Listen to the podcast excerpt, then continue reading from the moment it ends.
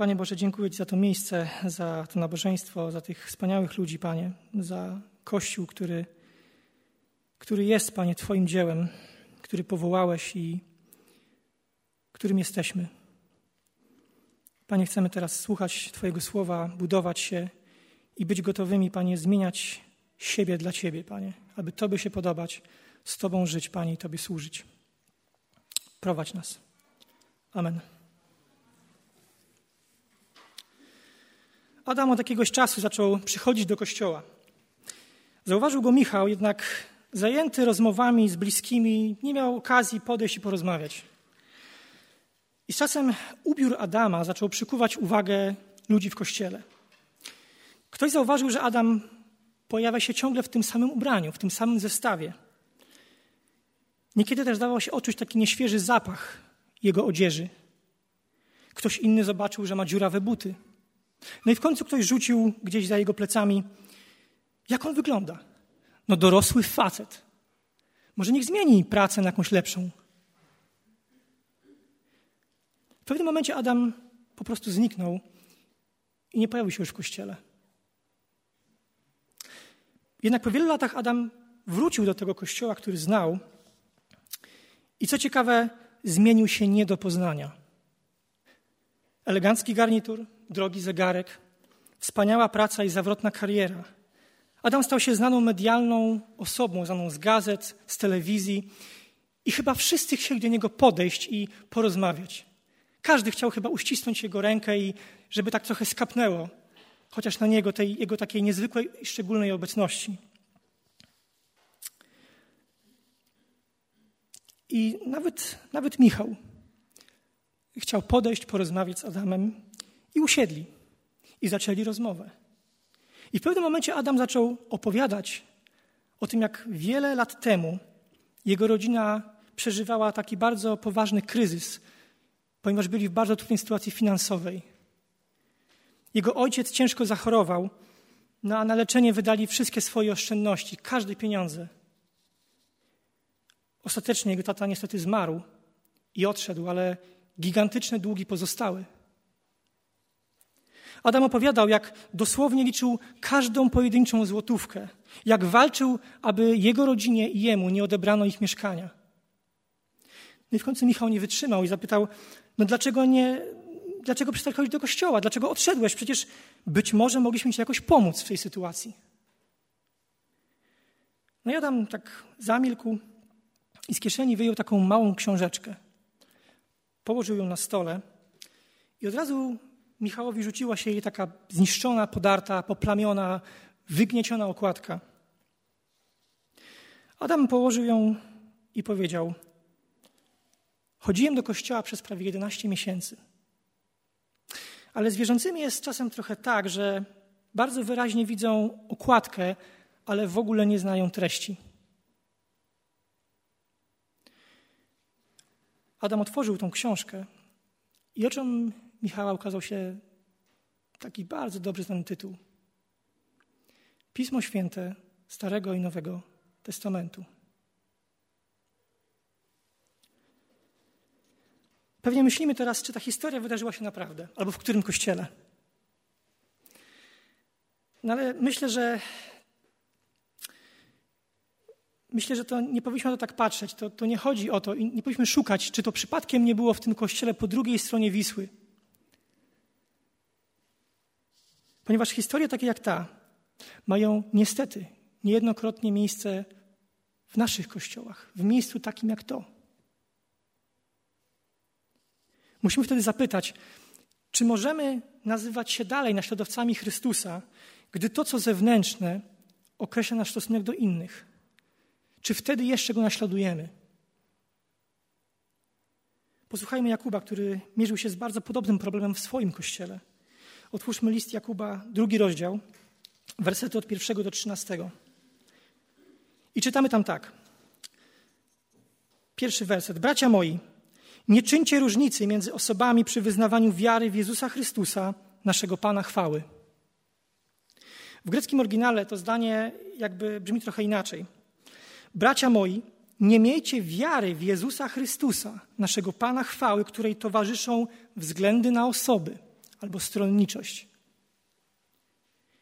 Interesujący jest to pewien taki gramatyczny szczegół, bo poprzez odpowiednie przestawienie kolejności wyrazów Jakub jakby w tym zdaniu jeszcze bardziej i mocniej wyraża swój sprzeciw wobec tej sytuacji. A zatem rozpoczyna swój, swoje wezwanie od takiego wysokiego C i apeluje, aby natychmiast oczyścić swoją wiarę od takiej niewłaściwej postawy. Kategorycznie zabrania faworyzowania jednych kosztem innych. Rozkazuje, by taką wiarę natychmiast porzucić. Dlaczego? Ponieważ jest świadomy prawdy, o której wyraźnie mówi Słowo Boże. W Księdze Powtórzonego Prawa, rozdział 10, czytamy takie słowa. Pan, wasz Bóg, jest Bogiem Bogów i Panem Panów. Bogiem wielkim, potężnym i strasznym, i uwaga, który nie ma względu na osobę. I podobnie jak Bóg, tak i Syn Boży, Jezus Chrystus, Pan chwały, nie ma względu na osobę. Dokładnie z tego powodu do wszystkich wierzących skierowane jest tak stanowcze wezwanie. Bo jeśli naszą wiarę charakteryzuje faworyzowanie niektórych kosztem innych, to mamy taką wiarę na zawsze porzucić, zostawić ją. Ponieważ w istocie nie wierzymy w takiego Jezusa, jakim On jest naprawdę. Nasze postępowanie jest wtedy raczej taką perwersją niż praktyką prawdziwej wiary. To tak jakbyśmy pracowali w urzędzie skarbowym i wiecie, wnikliwie zapoznawali się z takimi najnowszymi rozporządzeniami, ustawami, a równocześnie notorycznie migali się od płacenia podatków. No i powiedzmy, jakby to świadczyło o takim naszym osobistym przekonaniu co do słuszności tego systemu, którego pracujemy. Za słowami Jakuba stoi bardzo prosta zasada. Nie można pogodzić ze sobą postawy, która okazuje wzgląd na osobę, z wiarą w Jezusa, który nie ma względu na osobę. To jest nie do pogodzenia. Jakub chce teraz pokazać, pokazać nam, co właściwie robimy, gdy faworyzujemy jednych kosztem drugich. I czytamy tak. Bo gdyby na wasze zgromadzenie Przyszedł człowiek ze złotymi pierścieniami na palcach i we wspaniałej szacie, a przyszedłby też ubogi w nędznej szacie. A wy zwrócilibyście oczy na tego, który nosi wspaniałą szatę i powiedzielibyście, ty usiądź tu, wygodnie. A ubogiemu powiedzielibyście, ty stań sobie tam lub usiądź u podnóżka mego. To czyż nie uczyniliście różnicy między sobą? I czy nie staliście się sędziami, którzy fałszywie rozumują? Jakub maluje przed nami taki, taką ilustrację, taki przykład takiej hipotetycznej, no i trochę przerysowanej sytuacji. Jest jedno chrześcijańskie zgromadzenie, jest jeden kościół, jedno nabożeństwo. Na spotkanie wchodzi dwóch ludzi. Wchodzi bogaty, elegancko ubrany, w czystej, białej, wykwintnej koszuli. Na jego palcach jest droga biżuteria, tak? Czytamy o złotych pierścieniach. W starożytności tylko ludzie bogaci i naprawdę wpływowi mogli pozwolić sobie na eleganckie i takie szykowne ubranie. Złote pierścienie były oznaką nie tylko bogactwa, ale przede wszystkim wpływu, pozycji społecznej, władzy. Do kościoła wchodzi więc albo jakiś zarządca ziem, albo arystokrata. Ale wchodzi też ubogi. Prawdopodobnie wieśniak, albo żebrak. Wchodzi w podartej, dziurawej, śmierdzącej szacie. W tamtych czasach ludzie ubodzy, tacy jak on, mieli tylko na sobie jeden płaszcz. To była cała garderoba, jeden płaszcz. W tym płaszczu żyli, pracowali na polu, pocili się i spali. Jeden, jeden, można powiedzieć, jedna koszula służyła im za ubranie robocze i za nocne posłanie. Takie dwa w jednym. No i domyślamy się, że jak tak wyglądał jego dzień, no to już nie był pierwszej świeżości, prawda? Pojawiają się dwie reakcje. Bogaty zostaje natychmiast zauważony. Zaproponowane jest mu wygodne, zaszczytne miejsce siedzące. Jeśli spotkanie było w synagodze faktycznie, no to tych miejsc siedzących nie było dużo. Jeżeli ono było w domu u kogoś, to jakichś takich, nie wiem, miejsc do spoczęcia było tak naprawdę jeszcze mniej, może kilka. Dlatego bogaty zostaje naprawdę, naprawdę szczególnie wyróżniony. A ubogi otrzymuje dwie alternatywy. Albo ma stać tam, gdzie jest, no i pewnie z uwagi na zapach to tak tam bliżej okna albo bliżej drzwi. Albo czytamy, że ma usiąść przy, a dosłownie jest napisane pod podnóżkiem moich stóp. I to jest bardzo ciekawa ilustracja, bo podnóżka używali głównie, a właściwie tylko królowie albo jacyś bardzo wysoko postawieni zarządcy. A zatem ubogi zostaje poniżony do roli czegoś mniejszego niż to, co mam pod swoimi stopami, a ja zasiadam ponad nim niczym król. Znaj swoje miejsce.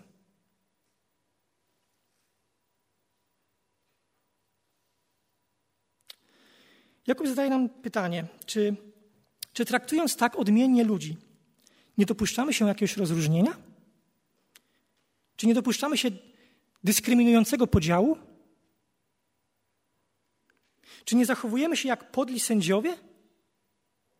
Oczywiście, że tak. Nasz przekład polski nie oddaje w pełni słów Jakuba. Tu nie chodzi o jakiś fałszywy osąd, w sensie błąd czy przypadkowy jakaś, jakaś pomyłka sędziego. Jakub mówi, że czyniąc tak, dopuszczamy się intencjonalnego zła. Że stajemy się sędziami, którzy celowo wydają krzywdzący i podły wyrok. Bo jeśli wygląd, grubość portfela czy kariera określają to, jak się nawzajem traktujemy, to bez wątpienia dopuszczamy się podłej dyskryminacji. Ale to jeszcze nie wszystko. Jakub domaga się teraz takiej naszej uwagi. Chce nam, chce, żebyśmy zostali jakby wprowadzeni w taką refleksję, kogo naśladujemy bardziej, gdy postępujemy w tak niewłaściwy sposób. I czytamy tak. Posłuchajcie, bracia moi umiłowani. Czy to nie Bóg wybrał ubogich w oczach świata, aby byli bogatymi w wierze i dziedzicami królestwa obiecanego tym, którzy go miłują? Wy zaś wzgardziliście ubogim. Czy nie bogacze ciemiężą was i nie oni ciągają was do sądów? Czy to nie oni zniesławiają zacne, dobre imię, które zostało nad wami wezwane? Jakub zadaje tu pytanie za pytaniem i pokazuje nam, dlaczego nasz osąd jest tak niegodziwy. Bóg obdarzył przecież duchowym bogactwem tych, którzy go kochają i zrobił to pomimo ich materialnego ubóstwa. Oczywiście tu nie chodzi o to, że Bóg wybrał ubogich z powodu samej tylko ich biedy. Raczej, że ubodzy w swoim ubóstwie mogą liczyć na taką szczególną Bożą opiekę, jeśli tylko całą swoją ufność złożą w nim. Ubóstwo ubogich nie jest dla Boga żadną przeszkodą. Nie stanowi żadnej bariery, aby przyjął ich i okazał swoją troskę, jeśli tylko mu ufają. A jednak my potrafimy potraktować innych, ubogich, z powodu ich materialnego ubóstwa zupełnie inaczej. Odwołując się do tej ilustracji, Jakub mówi tak: Wy tymczasem pogardziliście, poniżyliście, nie okazaliście szacunku ubogiemu. Na ile w takiej postawie naśladujemy naszego Boga? Znajdźmy trzy przykłady. Trzy podobieństwa. Jakieś propozycje mamy?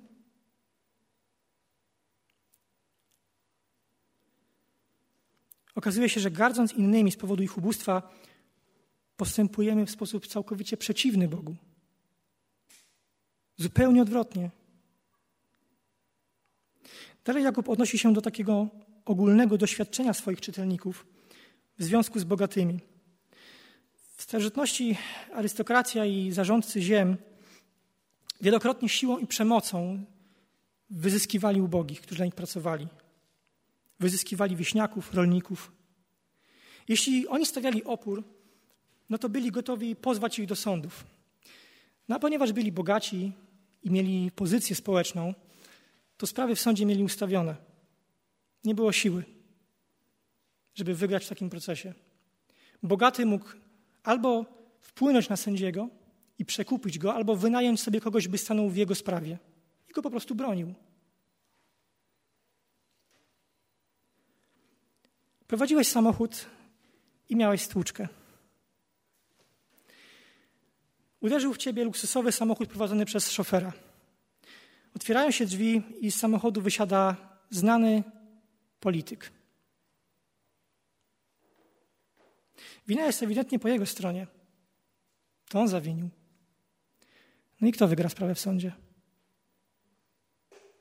Ty czy on?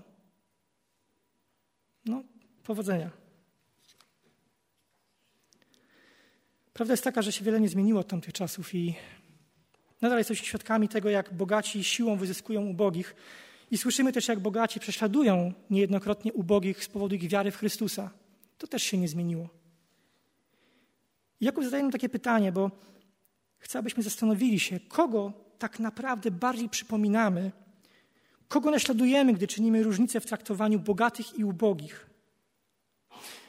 Może się okazać, że gardząc tymi, których Bóg wybrał, naśladujemy raczej tych, którzy gardzą nami, naszym Bogiem. Jakub chce nam powiedzieć, że okazywanie względów na osobę jest nie do pogodzenia z wiarą naśladującą Chrystusa. A jeśli jako zdeklarowani naśladowcy Chrystusa nie naśladujemy Chrystusa, to jak ocenia nas Jakub? Jeśli jednak wypełniacie zgodnie z Pismem królewskie przykazanie, będziesz miłował bliźniego swego jak siebie samego, dobrze czynicie. Lecz jeśli czynicie różnicę między osobami, popełniacie grzech i jesteście uznani przez prawo za przestępców. Tutaj Jakub cytuje przykazanie prawa Starego Testamentu. Pochodzi ono, i teraz proszę, żebyśmy zapamiętali tą liczbę, 19 rozdziału Księgi Kapłańskiej. Nie będziesz się mścił i nie będziesz chował urazy do synów Twego ludu, lecz będziesz miłował bliźniego swego jak siebie samego. Jam jest Pan. Przykazanie to jest tu nazwane takim królewskim przykazaniem, albo dosłownie królewskim prawem. I to znaczy, że pochodzi ono od samego Boga i w porównaniu z innymi dekretami króla, czy też władców, jakichś doradców króla, to to przykazanie jest najważniejsze, najwyższe, jest niepodważalne. To tak jak z konstytucją, no i pozostałymi ustawami, które wchodzą. Niezależnie jaka jest treść ustawy, niezależnie kto ją, kto ją ustanawia, musi być ona zgodna z konstytucją, która jest niezmienna i stanowi najwyższe prawo. Tak przynajmniej w teorii powinno działać państwo.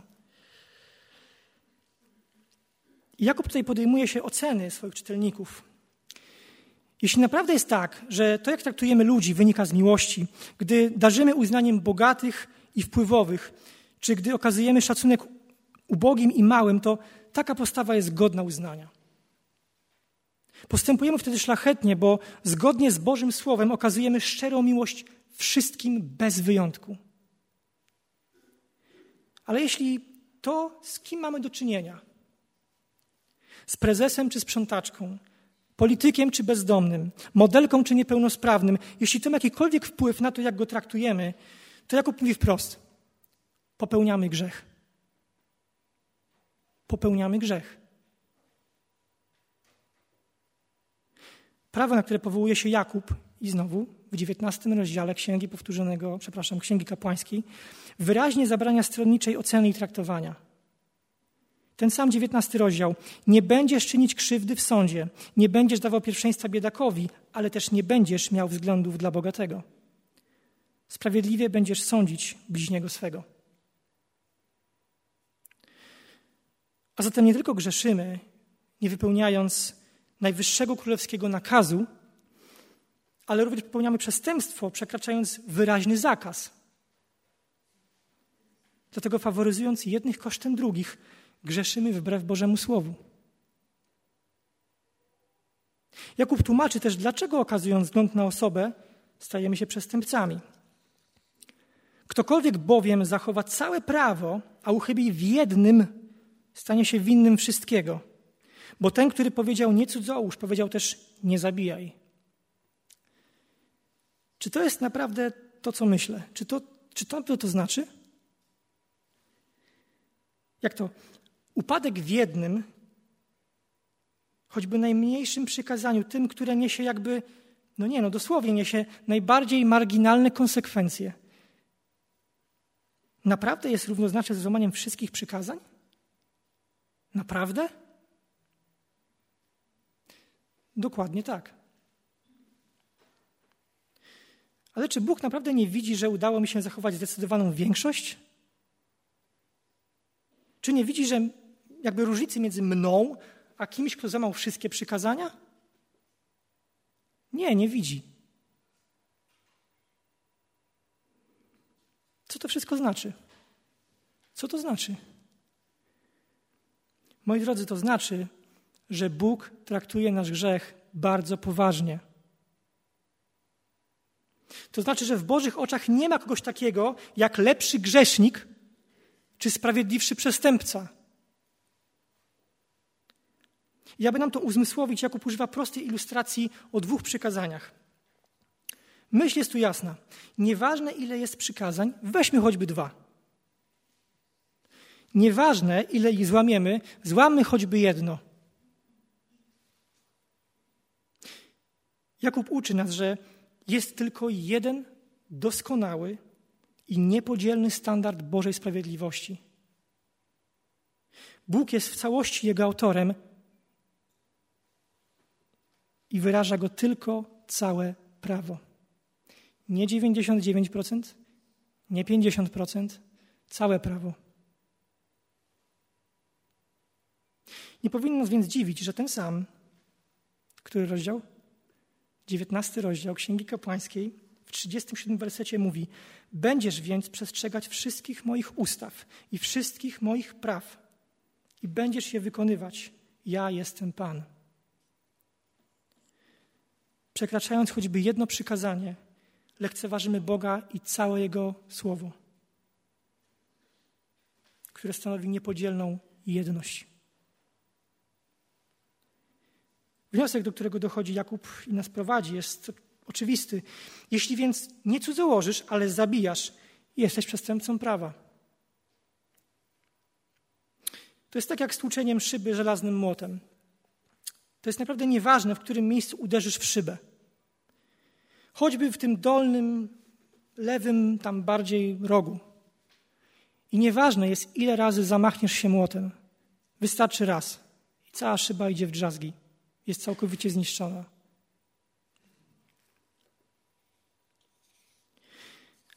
Jakub nie tylko udowadnia nam, dlaczego stajemy się przestępcami, ale dotyka sedna naszego problemu wybiórczego okazywania miłości. Jesteśmy gotowi dbać, by na biurku naszego przełożonego w pracy stał kubek ciepłej kawy. No ale nie jesteśmy już tak chętni, aby poczęstować choćby kubkiem zimnej wody sprzątaczkę. Z szefem to zawsze dobrze mieć dobre stosunki, prawda? Na sprzątaczka? Może niech lepiej zadba o ten mój stół, który tak ostatnio to średnio wyczyściła. Po kilku tygodniach, jak jesteś na studiach, to już widzisz, kto jest prymusem, a kto trochę odstaje z grupy. No i już wiemy, z kim mamy do czynienia. Wiemy, kogo się trzymać, a kogo omijać. Zawsze dobrze mieć kogoś od dobrych notatek, kto robi takie rzetelne opracowania, podzieli się z nami. No ale tamten gość jeszcze będę musiał siedzieć, siedzieć i mu tłumaczyć, o co chodzi. Szkoda czasu. W rodzinie zdarza się taki wujek albo kuzyn, który założył firmę, dorobił się, no i zna kogo trzeba. No i pamiętamy o jego urodzinach. Wysyłamy mu kartki, zapraszamy go na obiady. Ale jest też taka ciocia, która ciągle, ciągle wyzwania i ciągle czegoś potrzebuje. A to, żeby jej leki kupić. A to, żeby jej telefon ustawić, bo już nie ogarnia, co tu się dzieje w tym telefonie. A to, żeby jej przelew opłacić. No i kto ma więcej naszej sympatii?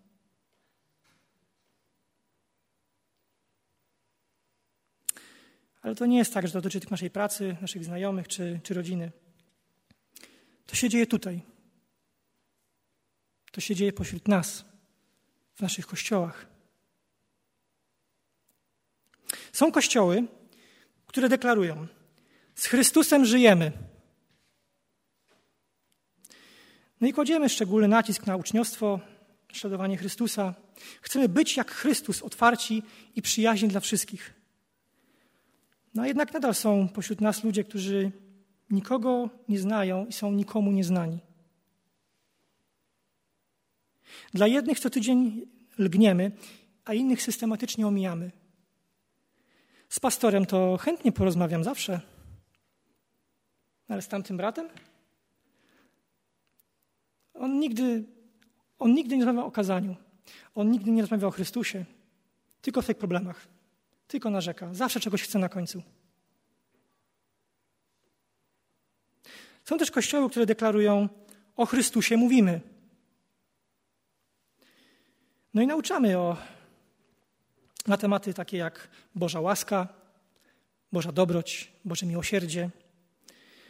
A jednak, gdy przychodzi konflikt lub ktoś popełnia błąd, to łaska, dobroć i miłosierdzie przestają być już praktycznymi tematami. Starannie bierzemy je i chowamy do szuflady teologicznych rozważań. Przecież widzę wyraźnie, że ten brat zgrzeszył i pozostanie grzesznikiem na zawsze. A ja będę chodził, mówił o tym wszystkim, ostrzegał przed tym bratem i pozostanę w Bożej resztce. I w końcu chyba wszystkie kościoły deklarują: Chrystusowi służymy. No chyba nie znam takiego, który by tego się z tym nie zgadzał. Za najwyższą wartość uważamy posługiwanie samemu Chrystusowi. Jesteśmy gotowi paść na kolana i nogi mu umyć własnymi rękami. A jednak w kościołach takich potrzeby tych ostatnich, tych słabych, tych najmniejszych nie są już wystarczająco wzniosłym celem służby. Zrobienie zakupów, opłacenie rachunków i odrobina uwagi dla seniora no nie jest aż tak atrakcyjna jak duchowy rozwój, manifestacja darów duchowych czy poszukiwanie Bożej obecności. Dlaczego tak to wygląda? Dlaczego my to robimy? Faworyzujemy jednych kosztem drugich, ponieważ tak naprawdę, tak naprawdę w głębi naszego serca nie kochamy. To nasz plan się liczy. Nasze osobiste korzyści, minimalizacja naszych strat. Nie chcemy dać, ale jak najwięcej, albo jak najwięcej ofiarować, wolimy wziąć raczej niż podarować. Zamiast kochać, by jak najmniej potrzeb przeoczyć i możliwie najwięcej zaspokoić, faworyzujemy, by jak najwięcej zyskać i możliwie najmniej stracić. Kochamy wybiórczo, ponieważ najbardziej ze wszystkich faworyzujemy samych siebie. Jakub jednak słusznie upomina nas, że okazując wybiórczą miłość, grzeszymy przeciwko Bogu i Jego największemu przykazaniu. Czy jest coś, co umyka nam w naszej wybiórczości? Jakub pisze tak: Tak mówcie i tak czyńcie, jak ci, którzy mają być sądzeni przez prawo wolności. W słowach Jakuba słychać tak jakby to echo tych słów z pierwszego wersetu. To pierwsze wezwanie. Ponownie wzywa on nas do, jakby do tej trwałej przemiany postępowania, do zmiany traktowania innych. I w kontekście całego tego fragmentu wyraźnie widzimy, że chodzi o to, jak postrzegamy, jak oceniamy i jak traktujemy innych wokół nas. Jakub domaga się od nas, aby to, co zewnętrzne, to, na co patrzymy i zwracamy szczególną uwagę, bogactwo, wygląd, pozycja społeczna już nie determinowały wartości innych. Nie określały naszego stosunku do siebie nawzajem. Mamy być gotowi do aktów miłosierdzia, Czyli dawać naszą uwagę. Mamy dawać nasz czas sobie nawzajem. Mamy dawać nasz szacunek jeden drugiemu. Mamy dawać naszą miłość i w końcu także konkretną, wymierną, praktyczną pomoc. I co jest tutaj najważniejsze? Dawać ją absolutnie wszystkim bez wyjątków.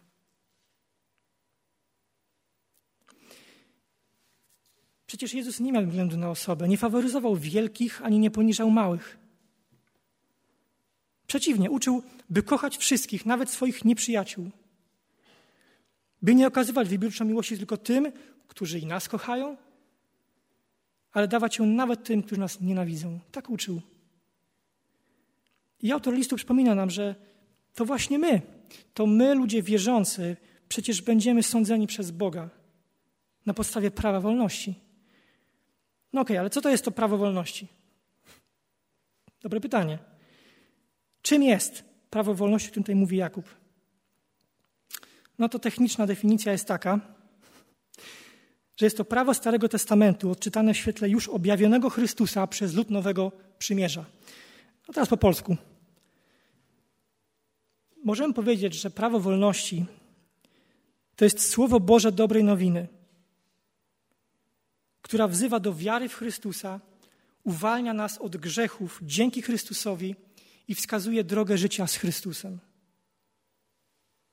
To Ewangelia o okazanym nam Bożym miłosierdziu, która oczekuje wiary i okazywania tego miłosierdzia innym. Tak możemy rozumieć prawo wolności. Jako ludzie wierzący będziemy przed Bogiem sądzeni. Będziemy. I On oceni, na ile jakby odpowiedzieliśmy, na ile Jego powołanie miłosierdziem skutkowało naszą przemianą i naśladowaniem Chrystusa.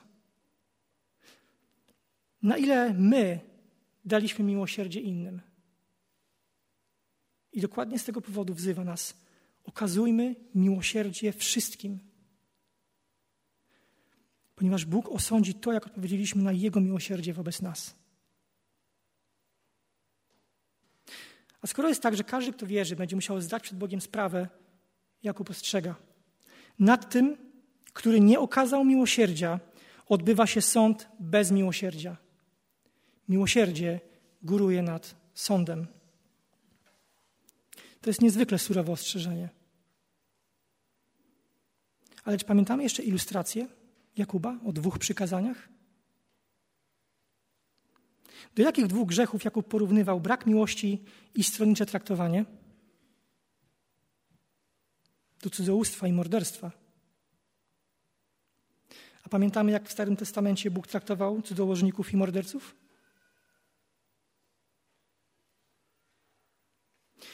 Nie powinno zatem dziwić, że Jakub tak stanowczo nas ostrzega. Jakub uczy nas, że nie wolno nam odmawiać miłosierdzia nikomu. Nikomu. Zwłaszcza z powodu ubóstwa, niskiej pozycji społecznej, może wyglądu. Bo jeżeli odmówimy miłosierdzia innym, to Bóg odmówi miłosierdzia nam. Kiedy czytamy o miłosierdziu, które góruje nad sądem, to z całą pewnością Jakub nie ma tu na myśli Bożego miłosierdzia, lecz nasze miłosierdzie. Widzimy więc światło nadziei.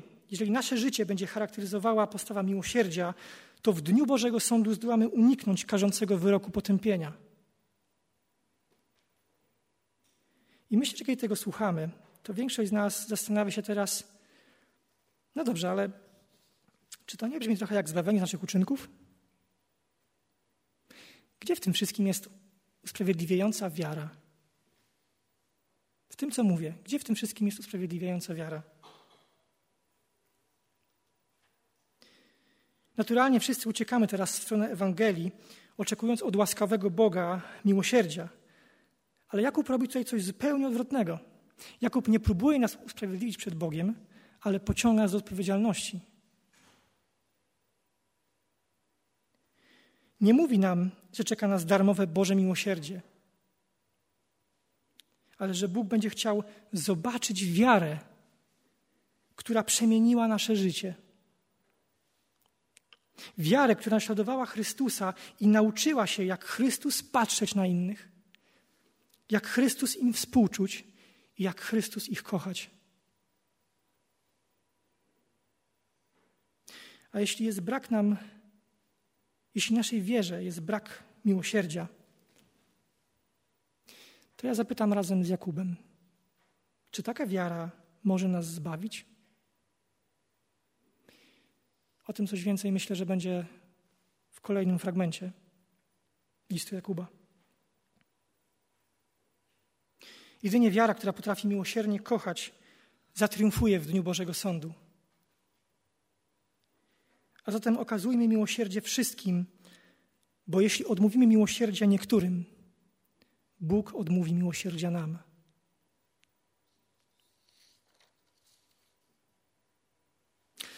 Myślę, że rzadko myślimy o, stronniczości w tak poważny sposób. Jesteśmy chyba prędzej gotowi przyznać, że, że to jest tylko jakaś taka przywara, drobna skaza naszego charakteru.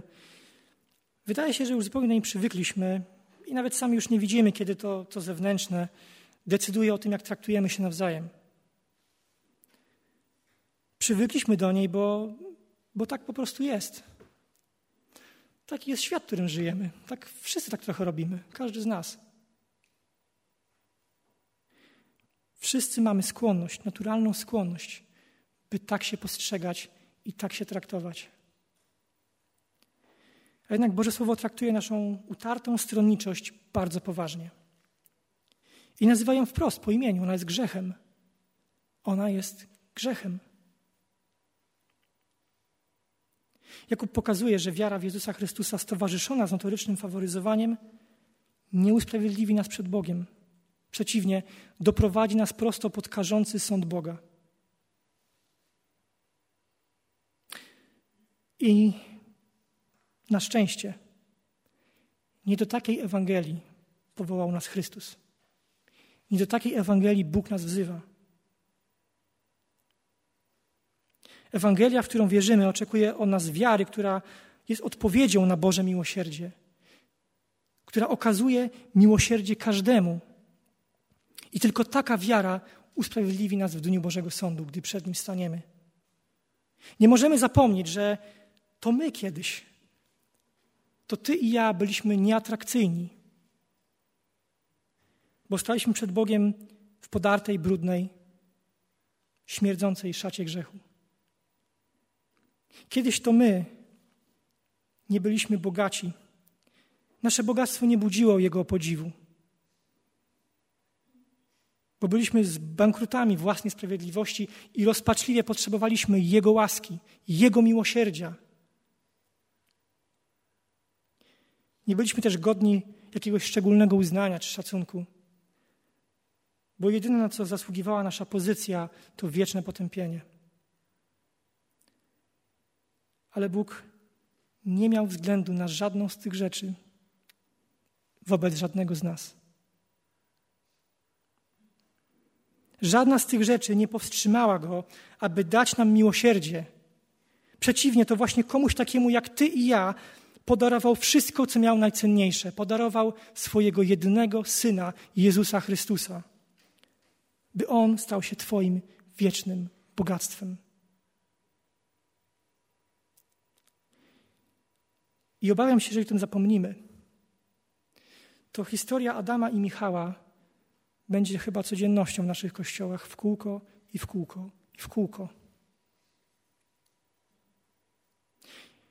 Jakimi naśladowcami Chrystusa się wtedy okażemy?